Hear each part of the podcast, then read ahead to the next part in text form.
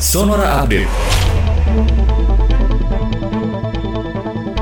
Selamat siang sahabat Sonora, Presiden Joko Widodo berharap program vaksinasi gotong royong dapat melindungi kawasan industri dari resiko penularan COVID-19 sehingga proses produksi dapat kembali optimal.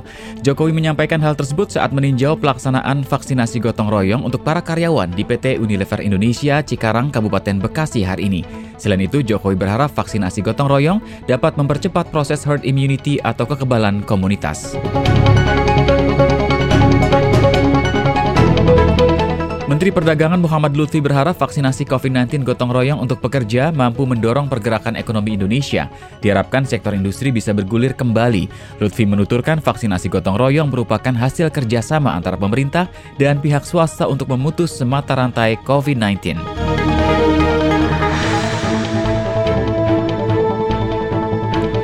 Amerika Serikat kembali memblokir diadopsinya pernyataan gabungan Dewan Keamanan PBB yang menyerukan penghentian kekerasan antara Israel dan Palestina. Ini menjadi momen ketiga dalam sepekan terakhir Amerika Serikat menggunakan hak veto dalam isu Israel-Palestina.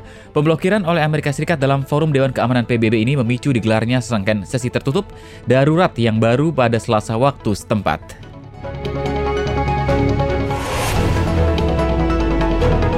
Demikian Sonora Update.